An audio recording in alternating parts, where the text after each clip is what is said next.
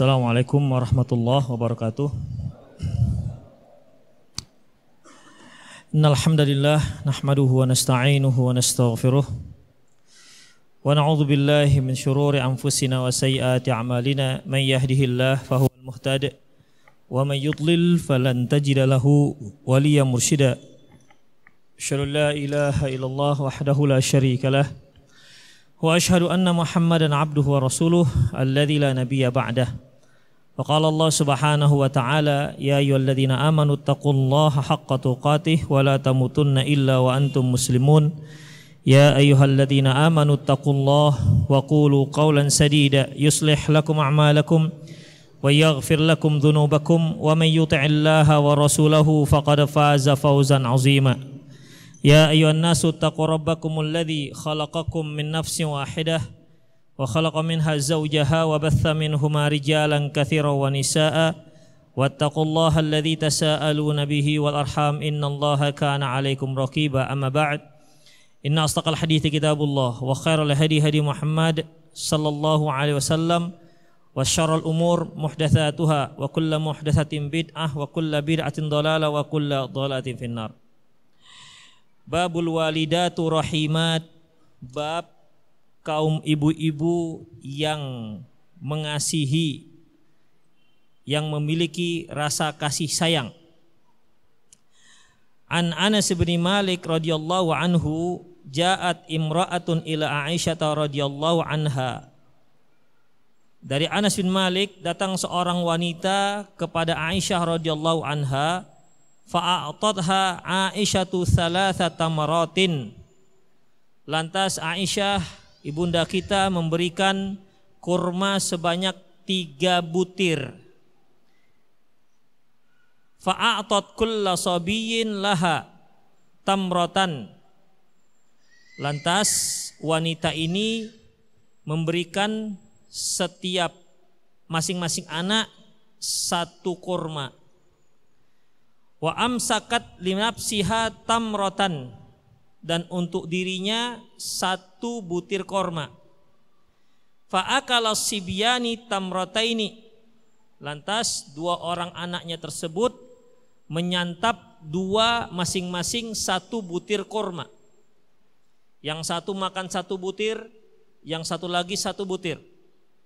Tinggallah satu dan itu jatah ibunya. Fanadhara ila ummiha ummihima Lantas mereka makan dua butir ini, masing-masing punya mereka satu butir. Setelah habis makan, mereka melihat ke ke ibunya. Ibunya kan belum makan. Lagi dipegang nih kurma. Setelah mereka berdua makan, dia lihat ke ibunya yang mau makan kurma yang dipegang oleh ibunya. Kira-kira kalau antum punya anak, antum belikan es krim satu, antum satu. Dia makan es krimnya habis, antum mau makan, kemudian nengokin aja dia. Gimana kira-kira? Sebagai orang tua pastilah akan memberikan es krimnya ya. Kecuali kalau orang tua yang tidak sudi jatahnya dimakan oleh anaknya. Eh punya kau kan sudah habis ya sudahlah. Kenapa kok masih minta punya mama? Tapi jarang orang tua seperti ini, kalaupun ada itu langka. Jadi kedua anaknya ini melihat ke arah ibunya yang akan makan satu butir korma itu jatah dia, jatah ibunya. Fa'amidat ila tamrati fasyakkatha. Maka si ibu tadi ya membagi dua korma tersebut. Fa'atat kulli fa'atat kulla sabiyin nisfat tamratin. Lantas dia memberikan masing-masing anaknya setengah korma. Berarti si ibu tidak tidak dapat jatah. Jatah dia diberikan kepada anaknya dan dibaginya dua. Itu diamati oleh Aisyah radhiyallahu anha. Faja'an Nabi sallallahu alaihi wasallam fa Aisyah. Lantas Nabi sallallahu alaihi datang dan Aisyah pun menceritakan kisah ini. Tadi ada seorang ibu datang bawa dua orang anak, kuberikan tiga butir korma. Yang satu dia berikan kepada anaknya, satu lagi pada anaknya. Tinggallah satu. Itu jatah ibunya. Diceritakanlah seperti yang tadi. Namun ketika si ibu mau makan, kedua anak ini melihat ke arah ibu, nggak tega ibunya diparuh dua tuh korma, diberikan setengah-setengah, ya masing-masing mendapat setengah. Apa kata Rasulullah? Wa ma tu'jibuki wa ma yu'jibuku min dzalik laqad birahmatiha sabiyha sabiyaiha. Apa yang membuat kamu apa yang membuat kamu menjadi kagum terhadap cerita tersebut? Sungguh Rasulullah, sungguh Allah Subhanahu wa taala menyayangi wanita tersebut seperti wanita itu menyayangi kedua anaknya. Jadi di sini ya di sini Rasulullah Sallallahu Alaihi Wasallam mengatakan bahwasanya Allah pun menyayangi orang ini sebagaimana si ibu sayang dengan anaknya. Ini kan atas dasar kasih sayang makanya dibagikan kepada si anaknya, pada anak-anaknya jatah yang seharusnya untuk dia. Karena atas dasar kasih sayang itulah si ibu tidak tega melihat anaknya memperhatikan sementara dia sudah dia sedang makan. Itulah kasih sayang seorang ibu kepada si si anak. Dan Rasulullah katakan sayang Allah terhadap ibu tersebut seperti sayangnya ibu tersebut kepada kedua anaknya. Ikhwatifidin rahimani Allah wa iyyakum. Di sini dalam hadis sebutkan ja'at imra'atun ila Aisyah. Datang seorang wanita kepada Aisyah fa'atatha Aisyah salah satu tamrot. Lantas Aisyah memberikan tiga butir kurma. Ini menunjukkan bahwasanya si wanita ini datang minta kurma, minta sedekah.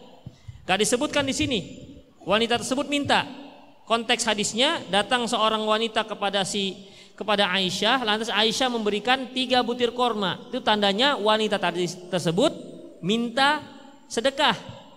Ya. Berarti Khofiddin dan Aisyah memberikannya. Ini menunjukkan bahwasanya tak masalah apabila ada seorang yang membutuhkan dia meminta sedekah kepada yang lain, dibolehkan. Tapi ingat, jika memang dia membutuhkannya, bukan untuk membuat dirinya jadi kaya. Dia sudah punya ini duit 10 ribu untuk makan untuk makan siang, tapi dia minta-minta lagi. Minta lagi untuk apa? Untuk besok, stok besok. Ini nggak dibolehkan ikhwatiddin, haram hukumnya. Ya. Ini tidak dibolehkan. Dalam sebuah hadis sebutkan barang siapa yang minta-minta untuk membuat dia kaya maka nanti hari kiamat dia akan mencakar-cakar muka dan dadanya sendiri. Ini tidak dibolehkan. Tapi kalau memang dibutuhkan, memang dia memerlukan, tidak ada lagi yang bisa dia makan. Maka dia boleh meminta sedekah kepada kaum muslimin yang lain. Inilah ikhwatiddin. Jadi fihi jawazu su'al mimma la budda minhu. Boleh kita meminta kepada orang lain jika memang kita sangat membutuhkan. Itulah dia. Salah satu kebiasaan para sahabat adalah mereka tidak akan meminta kecuali kalau sangat butuh. Makanya Allah menyebutkan karakter karakteristik seorang para sahabat yaitu orang-orang uh, fakir di kalangan para sahabat disebutkan nama Al-Qur'an yahsabuhumul jahiluna aghniya minat ta'affuf Orang-orang jahil mengira orang-orang fakir itu adalah orang-orang yang berkecukupan dikarenakan mereka tak pernah meminta-minta. Oleh karena itu Khofiddin Hukum dasarnya, hukum asalnya boleh kita meminta jika memang sangat membutuhkan. Kalau kita tidak membutuhkan, tak boleh kita meminta. Karena masalah ini menghilangkan harga diri kita sebagai seorang manusia. Antum dengan teman, eh nanti malam makan yuk, ayo. Antum yang bayar ya, alah antum aja lah, begitu minta ngajak makan tapi minta dibayari. Tentunya ikhwatiddin ini akan menjatuhkan kehormatan kita. Ya. Atau ngajak makan tetapi ketika mau bayar ambil dompet. Ambil dompet nggak keluar-keluar dompetnya. Sampai kawannya yang bayarkan, udah udah biar saya bayarkan. Aduh ini nyangkut ini dompet nyangkut. Itu kan modus namanya ikhwatiddin. Ya. Itu trik supaya nggak bayar. Itulah dia. Ikhafiddin tidak boleh. Sama dengan kalau ada orang pergi ke Jawa, jangan lupa ya olehnya. Pergi ke umroh dia, jangan lupa ya oleh-olehnya. Dua aja bajunya, baju Arab. Dua aja katanya. Ini nggak dibolehkan ikhafidin, minta-minta namanya, jangan. Allah katakan, Rasulullah katakan wa idza sa'alta fas'alillah. Kalau kamu minta-minta hanya kepada Allah Subhanahu wa taala. Itulah ikhafidin, jaga harga diri kita jangan sampai minta-minta. Kalaupun bisa jangan minta tolong. Kalau bisa. Misalnya antum sebagai seorang ustadz, tolong antar saya sana, tolong antarkan mari, tolong antar saya. Itu menjatuhkan harga diri. Suatu hari murid antum akan merasa bosan dengan si ustadz. Begitu ustadz datang, eh, eh nyingkir nyingkir, tidak tolong antari dia misalnya. Minta tolong antari tapi bensinnya nggak diisi. Begitu ikhwafidin, bagaimanapun manusia tidak bisa, ya tidak bisa. Manusia itu kalau sudah dimintai itu akan bosan dengan permintaan kita. Kalau sering, kalau setahun sekali, setahun dua kali itu masih mendingan. Tapi kalau setiap kali mau ngisi pengajian, tolonglah antar saya, tolonglah, antum kan punya mobil, boncenglah saya segala macam. Itu pasti akan merusak nama baik sang ustadz, merusak harga dirinya. Kalau antum bisa pergi sendiri, pergi sendiri. Begitu, pergi sendiri. Jadi tidak dakwah itu tidak terkait dengan orang lain. Oke, pada satu hak sekali dua kali dia akan dia akan senang hati Hafiddin. Ustadz, biar saya antar. Oke. Nanti Ustadz saya antar. Oke. Yang ketiga, antum mengantar saya. Itu Hafiddin. Rahimani Allah wa iyyakum. Jadi gak usah minta-minta. Ya, tak usah minta-minta. Karena itu gimana? Akan merusak harga diri kita. Ya. Kemudian ikhwatifiddin rahimanallahu wa iyyakum. Dalam hadis ini juga disebutkan fa'ataha Aisyatu salasat tamarat. Lantas Aisyah radhiyallahu anha memberikan tiga butir kurma. Bayangkan ikhwafiddin. Kalau ada orang datang minta sedekah, kira-kira mau dia dikasih tiga butir kurma? Menurut antum mau dia mau dia menerima? Saya nggak yakin kalau kita. Tiga butir korma, pasti katakan pelit kali bapak. Udah pak, goceng aja katanya. Demikian din. Seribu, tapi dikasih tiga butir korma, nggak yakin saya menerima. Ada lagi jenis pengemis ini dikasih seribu nggak mau dia, Hah? ditolak. Hah? Minta 2000 minimal. Ada yang kalau mau dia minta, ha, hmm, untuk rokok dia. Itu biasanya orang gila. Yang begitu. Jadi hadifiddin rahimani Allah wa iyyakum ini menunjukkan tingkat kemiskinan pada zaman Rasulullah itu jauh berada di bawah tingkat kemiskinan kita. Sampai tiga butir korma pun ketika diberikan diterima. Dan ini juga menunjukkan kesederhanaan Aisyah. Aisyah itu memang punyanya tiga butir korma. Coba antum bayangkan. Di rumah Rasulullah SAW ketika beliau memberikan sedekah hanya mampu memberikan tiga butir korma. Kalau kita zaman kita sekarang ada orang minta sedekah kita kasih gopek 500 rupiah. Kira-kira apa komentar si miskin? Rumah bertingkat, ngasih gopek. Ya kan? Dapat apa ini pak? Kurupo aja nggak dapat sekarang. Komplain dia. Demikian di covid -19. Dah, itu menunjukkan bahwasanya rumah tangga Rasul itu sangat sederhana. Bahkan banyak riwayat menyebutkan bahwasanya Rumah tangga Rasulullah itu tidak ada apa-apa kecuali aswadaini. Aswadani, dua hal yang hitam. Apa itu? Air dan korma saja. Roti tak punya. Roti itu makanan mewah. Bayangkan ikhafidin. Roti itu makanan mewah di rumah tangga Rasulullah Sallallahu Alaihi Wasallam.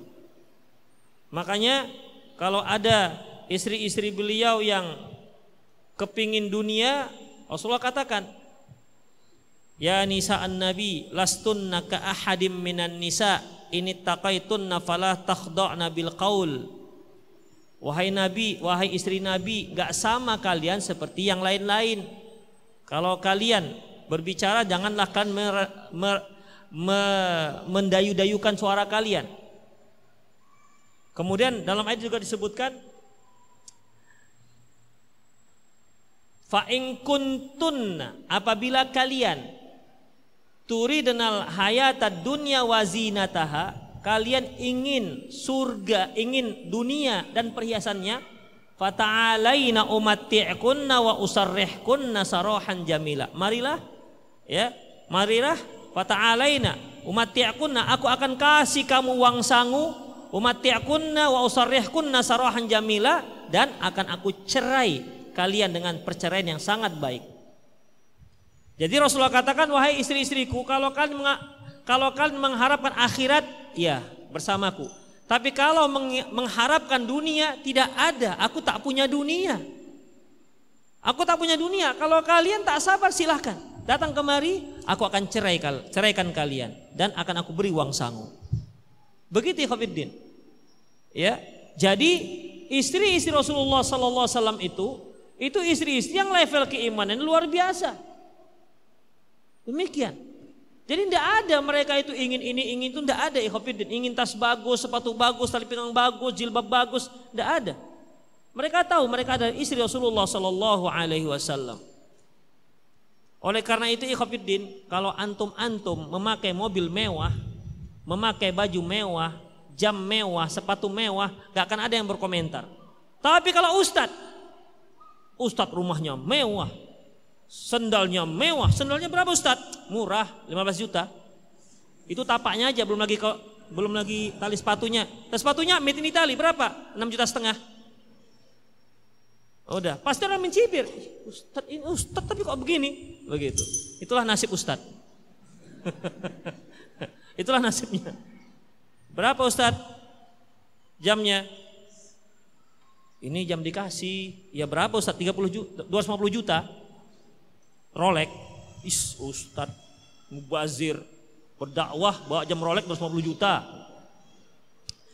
Akan dicibir ikhwafiddin. Akan dicibir. Jadi maunya masyarakat kita itu Ustadz tuh yang miskin-miskin aja, jangan kaki pakai sendal busuk. Begitu. Oh, ini baru Sunan Kalijaga ini. ini baru. Itulah ikhwafiddin rahimani Allah akan dikomentari. Tapi begitulah ya. Makanya Ikhwatifiddin rahimanallah wa iyyakum. Uh, dikarenakan memang dia sebagai contoh, begitulah nasibnya jadinya. Itulah dia. Kalau pas kajian yang ada makannya, nah itu ustadz dapat kebahagiaan nggak bisa makan. Karena pas tanya jawab makan. Pas tanya jawab makan. Kan nggak mungkin ustadz lagi makan menjawab pertanyaan. Ustadz lagi makan. Gitu kan nggak mungkin. Nah itu dia. Tapi ada kelebihannya, dibontotin biasanya. Taib ikhtifidin rahimani Allah wa iyyakum. Itulah dia. Kesederhanaan rumah tangga Rasulullah sallallahu alaihi wasallam. Luar biasa ikhtifidin. Luar biasa. Karena apa? Karena tujuan mereka itu hari tujuan mereka itu akhirat. Tapi sayangnya ikhtifidin sekarang ini kita itu lebih cenderung dengan dunia ketimbang dengan akhirat. Sampai milih pasangan pun lebih cenderung pada nilai duniawinya ketimbang ukhrawinya. Ini saya tanya ya satu orang, mana yang masih jomblo? Satu orang. Tunjuk tangan satu aja. Oh udah nikah semua Masya Allah Barakallah Barakallah Udah nikah semua Tunduk semua Tunduk semua Masya Allah Antum lah nih yang pakai kacamata Siapa nama antum? Udah berapa anaknya? Tadi katanya saya Tanya yang belum jomblo Gak nunjuk tangan tuh Kalau ada calon Dua orang satu tingginya 170. Berat 30, kurus berarti jangan, masa mau. Beratnya 70 ideal. Ya kan? Putih, hidung mancung, bersih. Tapi masih ikro tiga. Ya, ngomongnya masih ke mana kau bang? Yang satu solehah, masya Allah, solehah, tutur katanya bagus, tapi sayangnya face-nya konten enam setengah itu pun sudah dikatrol. Nah, tingginya 150, beratnya 60. Misalnya Antum pilih yang mana? Si apa si B? Tapi ini hafizoh, masya Allah kan? Hafizoh, hafal Sunan Sunan Kalijaga, apa? Hafal hafal Sunan Abi Daud misalnya. Pilih yang mana? Jujur, jujur aja, nggak apa-apa. Ini nggak, ini sekedar audiensi aja. Gimana? Pilih yang mana? Pertama yang kedua? Pertama, itu dia dan itu kenyataan. Kenapa nggak pilih yang kedua? Ustadz, kalau yang kedua mau dibuat tinggi 170 nggak bisa Ustadz. Tapi kalau masalah dia hafizoh kan bisa kita kita kita ajak ngaji. Itu alasan ikhwan itu. Kalaupun nggak bisa hafal 30 juz kan bisa juz 30. Demikian ikhwafiddin. Jadi ngelesnya itu hebat ikhwan sekarang. Sama akhwat juga begitu, antum kira antum aja penyakitnya. Sama akhwat juga begitu. Ya, jadi khotibidin rahimanallah wa iyyakum lebih cenderung kepada dunianya. Ya. Itulah yang kita sedihkan, nggak tahu apa salahnya apa ustaz yang salah asuh atau gimana. Selalu kita katakan taribat yadak taribat fadfar bidzalitin taribat yadak pilih agama pilih agama. Ustaz kan akhwat pengajian. Kami sudah yakin kalau dia sudah ngaji. Tinggal face-nya. Itu lagi memang nggak bisa jawab. Susah kita jawabnya. Tapi begitulah ikhwatiddin rahimanallahu yakum entah pergeseran kajian entah Allah alam bisawab. Tapi begitulah. Kalau dahulu para akhwat duduk-duduk di warung makan tempat ramai dengan ikhwan-ikhwan nggak mau mereka, malu. Ya, tapi kalau sekarang kan nggak masalah. Akhwat kita sekarang duduk nongkrong di kafe, eh, gitu, di kafe. Hanya bedanya kalau dulu sekalian karaoke ini nggak karaoke. Itulah ikhwafiddin. Jadi memang perlu diketatkan lagi kajian kita ini nampaknya. Supaya memberikan rasa malu kepada akhwat kita dan ikhwan juga punya pertimbangan diniyah yang jelas. Allahu alam bisawab. Baik, kita lanjutkan. Dalam hadis ini juga menunjukkan bahwasanya bagaimana seorang ibu menyayangi kedua anaknya. Sampai Imam Al-Bukhari rahimahullah membuat bab-bab kasih sayang para ibu terhadap anak-anaknya rahimat kasih sayang seorang ibu tapi intinya ikhwatiddin rahimanallahu wa iyyakum begitu kasih sayang seorang ibu kepada anaknya begitu juga kasih sayang Allah kepada si si ibu makanya kita punya punya ungkapan kasih sayang ibu itu apa sepanjang sepanjang masa itu dia Kasih sayang ibu sepanjang masa. Kalau kasih sayang ayah sepanjang apa? Galah.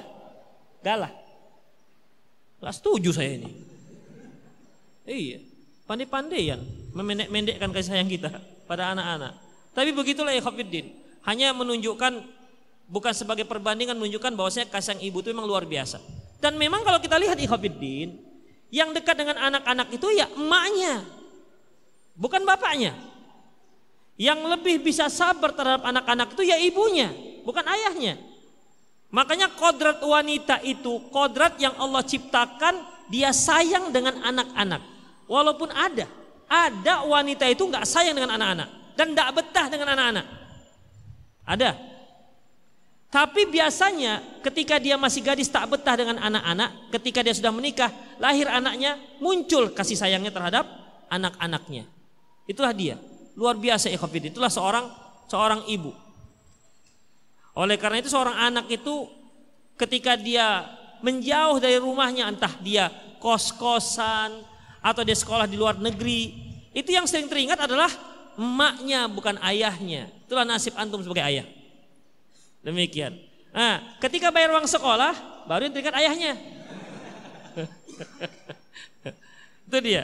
Tapi ketika makan, Aduh, enak punya emak saya. Begitulah ikhwatiddin rahimani Allah wa iyyakum. Baik. Rasulullah SAW pernah bersabda, Ar-rahimuna yarhamuhur rahman tabaraka ta'ala. Orang-orang yang menyayangi maka dia akan disayangi oleh Allah Subhanahu wa taala. Makanya Rasulullah katakan irhamu man fil ard yarhamukum man fis sama. Cintailah, sayangi yang ada di muka bumi, niscaya Allah akan niscaya engkau akan dicintai oleh akan disayangi oleh yang ada di langit. Maksudnya Allah Subhanahu wa taala. Rasul juga katakan, "Man la yarham la yurham." Yang tidak menyayangi tidak akan disayangi.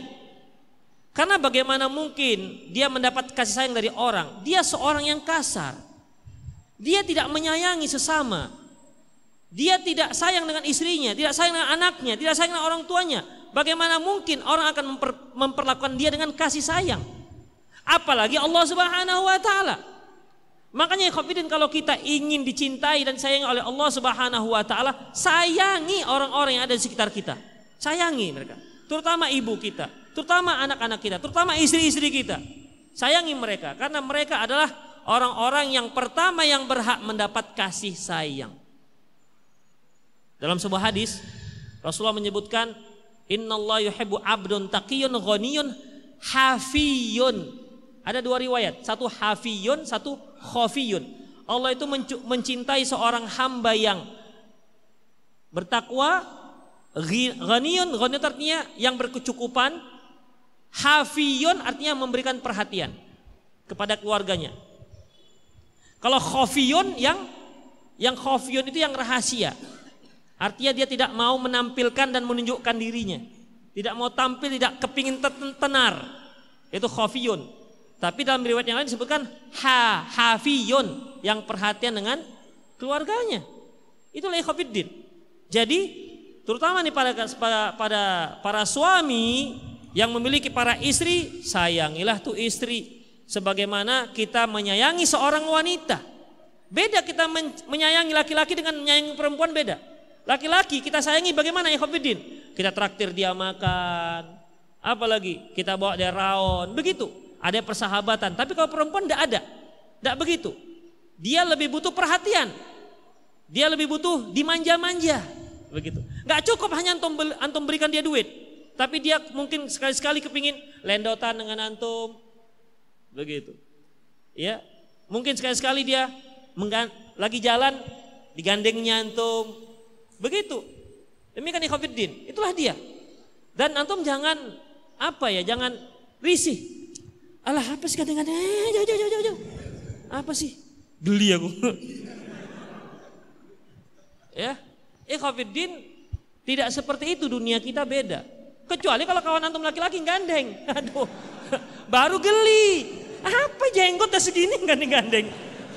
Itu baru geli. Tapi kalau istri, anak kita biarin digandeng. Kiri kanan juga, misalnya tuh punya istri dua, kiri kanan gandeng, enggak apa-apa. Enggak masalah, ikhafidin.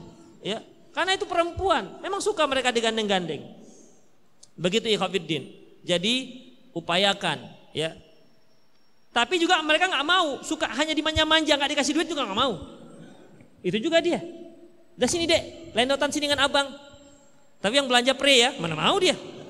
Ya, belanja tetap. itu dia, belanja tetap. Tapi bagi mereka itu belum cukup. Mereka butuh perhatian.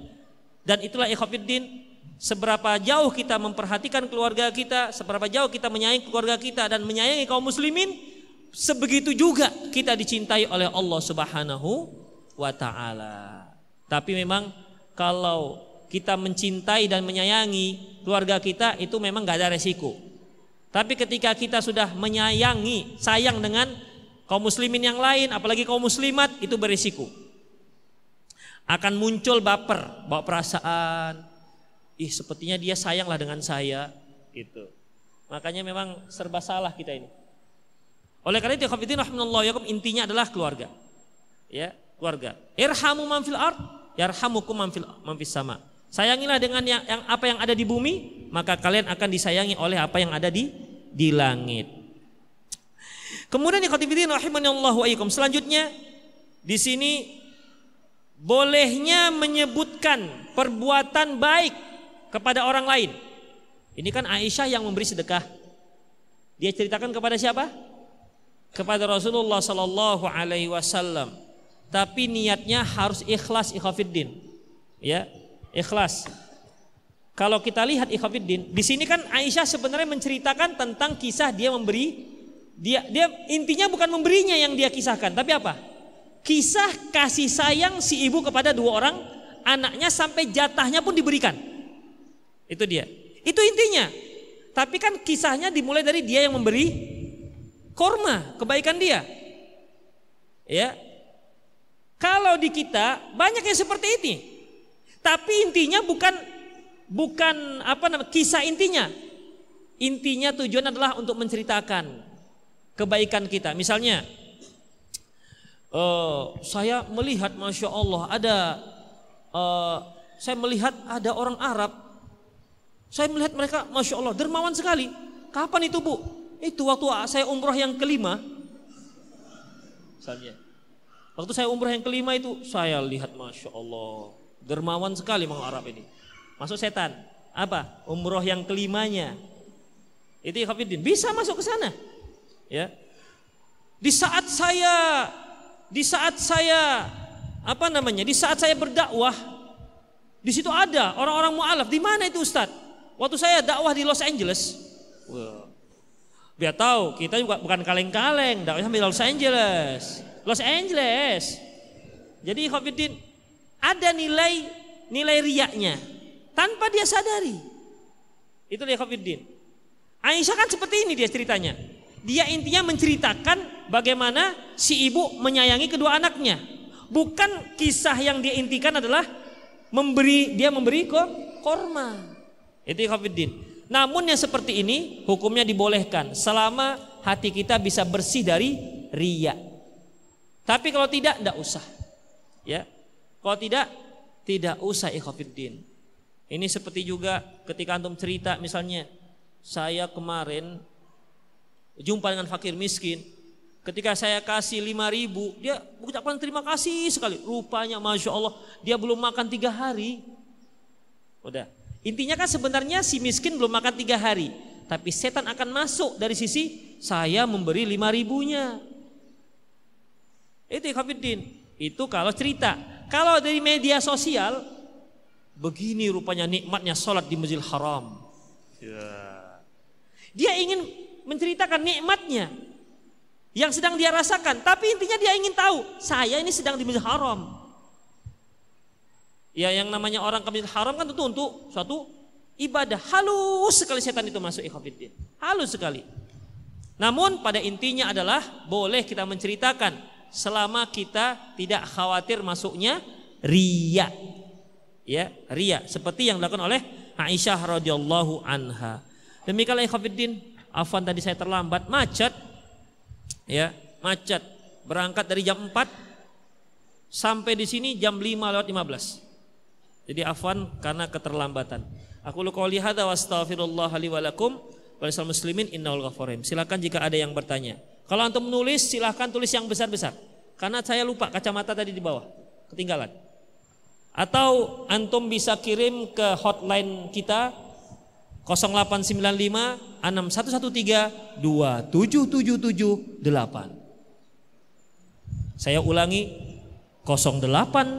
0895 2113 eh salah 6113 27778. Silahkan kirimkan persoalan Anda pada nomor yang telah kami tulis di bawah ini.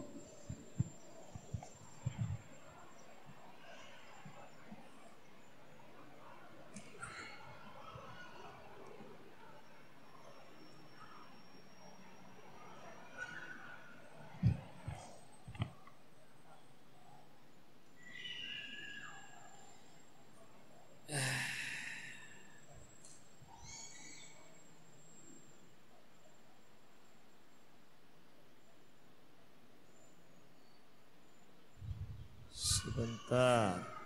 Oh, insya Allah di atas rupanya.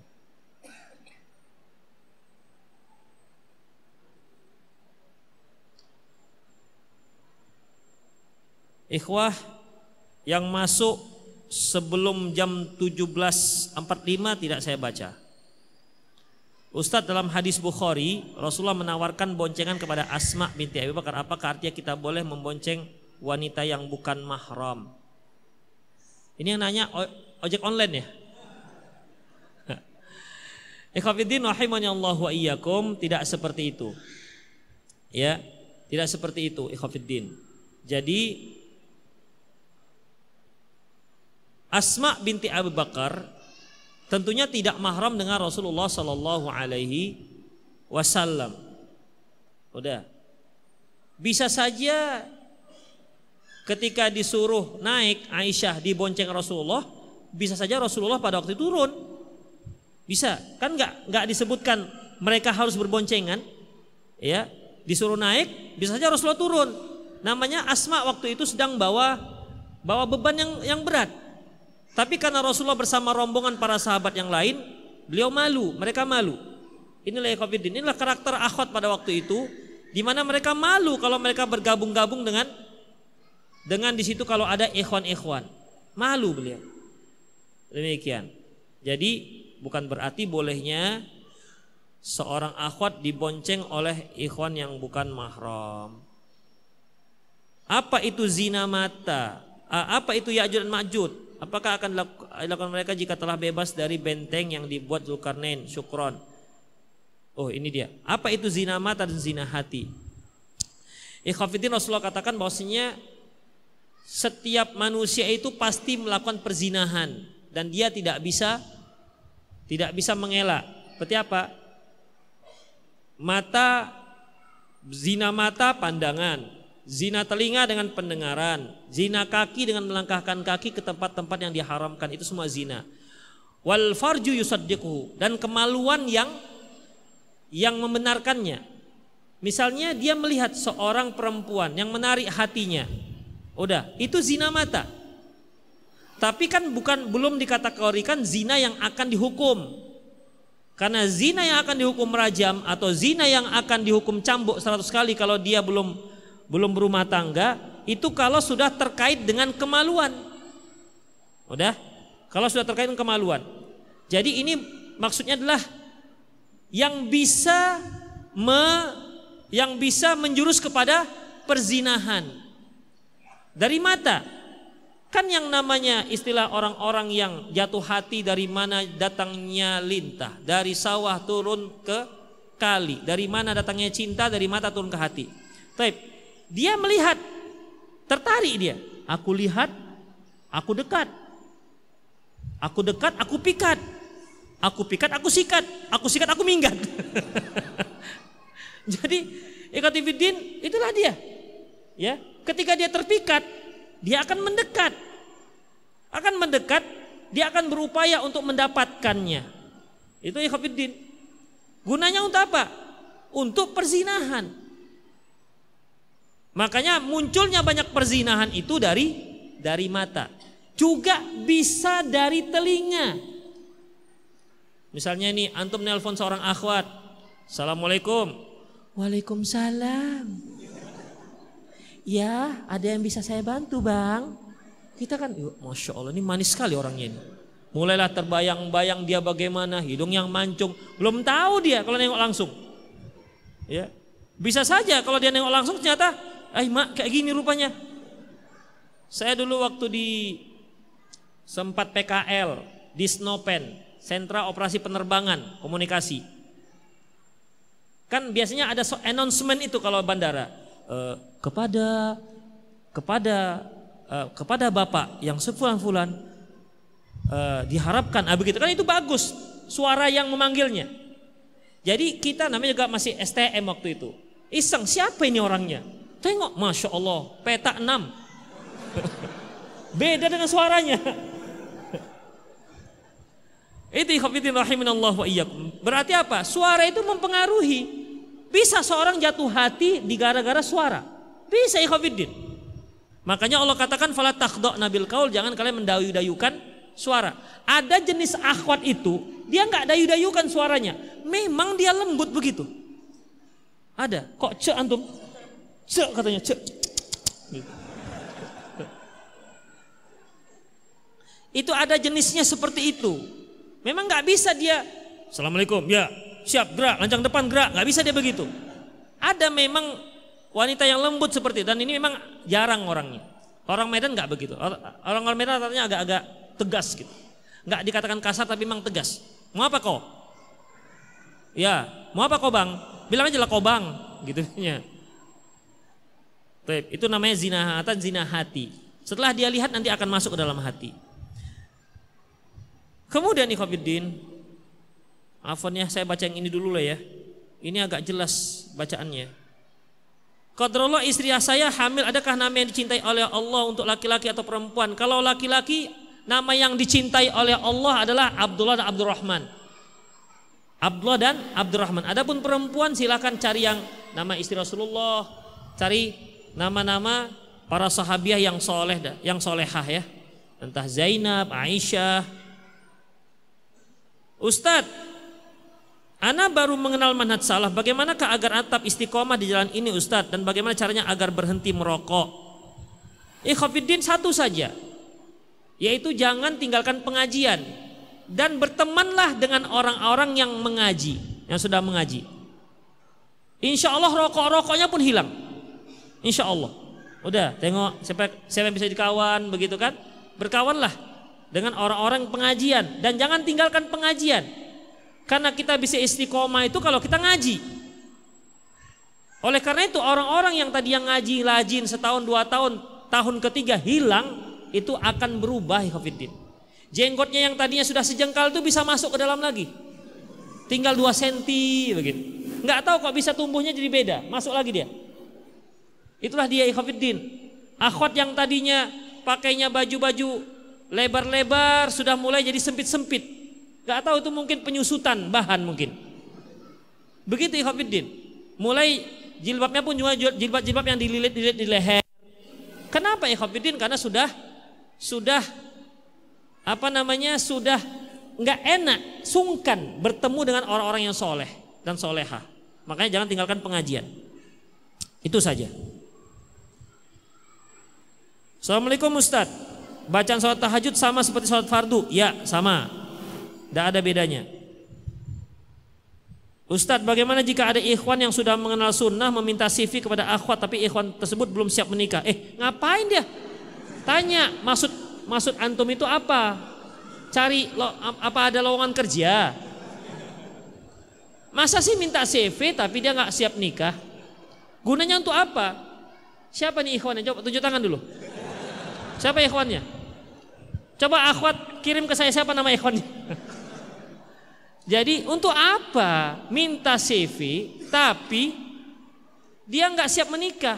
Untuk apa gunanya? Kalaupun dia tahu terus apa? Mau ngapain dia coba? Mau ngapain?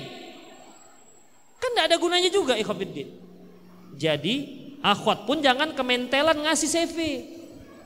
Abang siap nikah enggak? Abang mau CV saja? Oke bang siap. Ngapain dikasih? Itu satu. Kedua, ketiga, Kok tiba-tiba dia nelpon anti itu maksudnya apa? Dari mana dia dapat? Jangan-jangan anti yang yang mau telepon saya kontak telepon ini. Atau nanti seperti yang pakai cadar di internet itu sudah siap menikah ini pakai pakai apa namanya pakai karton siapa ikhwan yang sudah siap menikah telepon telepon ini. Kan ada yang pakai cadar sempat jadi kontroversi ya di media sosial. Ikhwafiddin Tak usah seperti itu. Akhwat juga tidak usah sembarangan ngasih ngasih nomornya. Jam berapa sudah? Ustadz apa hukumnya kita sholat di masjid yang dibangun dalam lembaga ribawi? Ikhwafiddin masjidnya sah, sholat antum sah. Ustadz apa hukumnya bekerja di perusahaan yang jika proyek modalnya di, meminjamkan dari bank? Gak masalah kalau antum kerja di situ.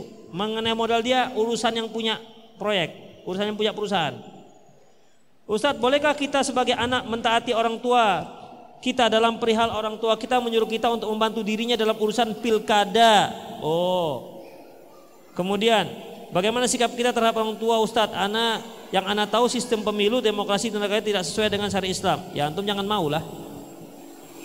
Gimana cara nggak maunya? Antum lebih tahu itu. Masya, Masya Allah panjang sekali. Ustadz, saya sholat fardu sendiri. Setelah beberapa rakaat lalu ada beberapa orang membentuk barisan untuk berjamaah dengan imamnya di depan saya dan jamaahnya di samping saya. Otomatis jadi berikut di barisannya mereka berjamaah di makmum. Enggak ngerti saya. Jangan panjang-panjang. Sore kita ingin zikir sore tapi ingin juga membantu ibu. Sambil bantu sambil zikir. Misalnya bantu nyapu Sambil nyapu bismillahirrahmanirrahim sama' wa kan bisa.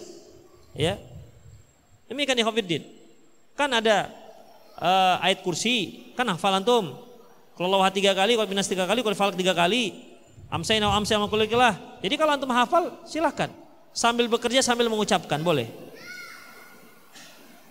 Terakhir, Assalamualaikum Ustaz, apakah membayar hutang dengan melebihinya dengan tujuan berterima kasih tidak ada perjanjian sebelumnya termasuk riba? Tidak.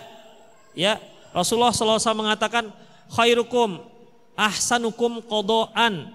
Sebaik-baik kalian adalah orang yang paling baik dalam membayar hutang, melunasi hutang dan dia ada dua. Yang pertama membayar lebih cepat dari yang sudah dijanjikan. Janjinya bulan Maret, tapi di awal Januari sudah dia sudah dia lunasi. Dan yang kedua yaitu lebih banyak dari hutangnya. Hutangnya sejuta. Udah, dibayar dipulangkannya dengan 10 juta. Bayangkan itu kan? Misalnya antum ngutang dengan saya satu juta. Ustadz ini saya mau lunasi utang berapa? Ini Ustadz terima kasih Ustadz telah memberi apa namanya ke lapangan ini saya kasihkan 10 juta. Kan senang saya. Bahkan saya nanya lagi kapan lagi antum ngutang, kapan lagi? Demikian Ikhwanuddin. Tapi intinya tidak masalah, ya. Tidak masalah. Asalkan tidak ada perjanjian sebelumnya. Demikianlah ikhwatiddin rahimanallah wa iyyakum. Afwan ini banyak yang belum dibaca ini juga karena bacanya juga kecil-kecil, ya. Semoga bermanfaat. Aku lu qouli hadza wa astaghfirullah li wa wa muslimin innal ghafurur rahim. Subhanakallahumma wa bihamdik asyhadu an la ilaha illa anta astaghfiruka wa atubu ilaik. Wa akhu da'wana alhamdulillahi alamin. Assalamualaikum warahmatullahi wabarakatuh.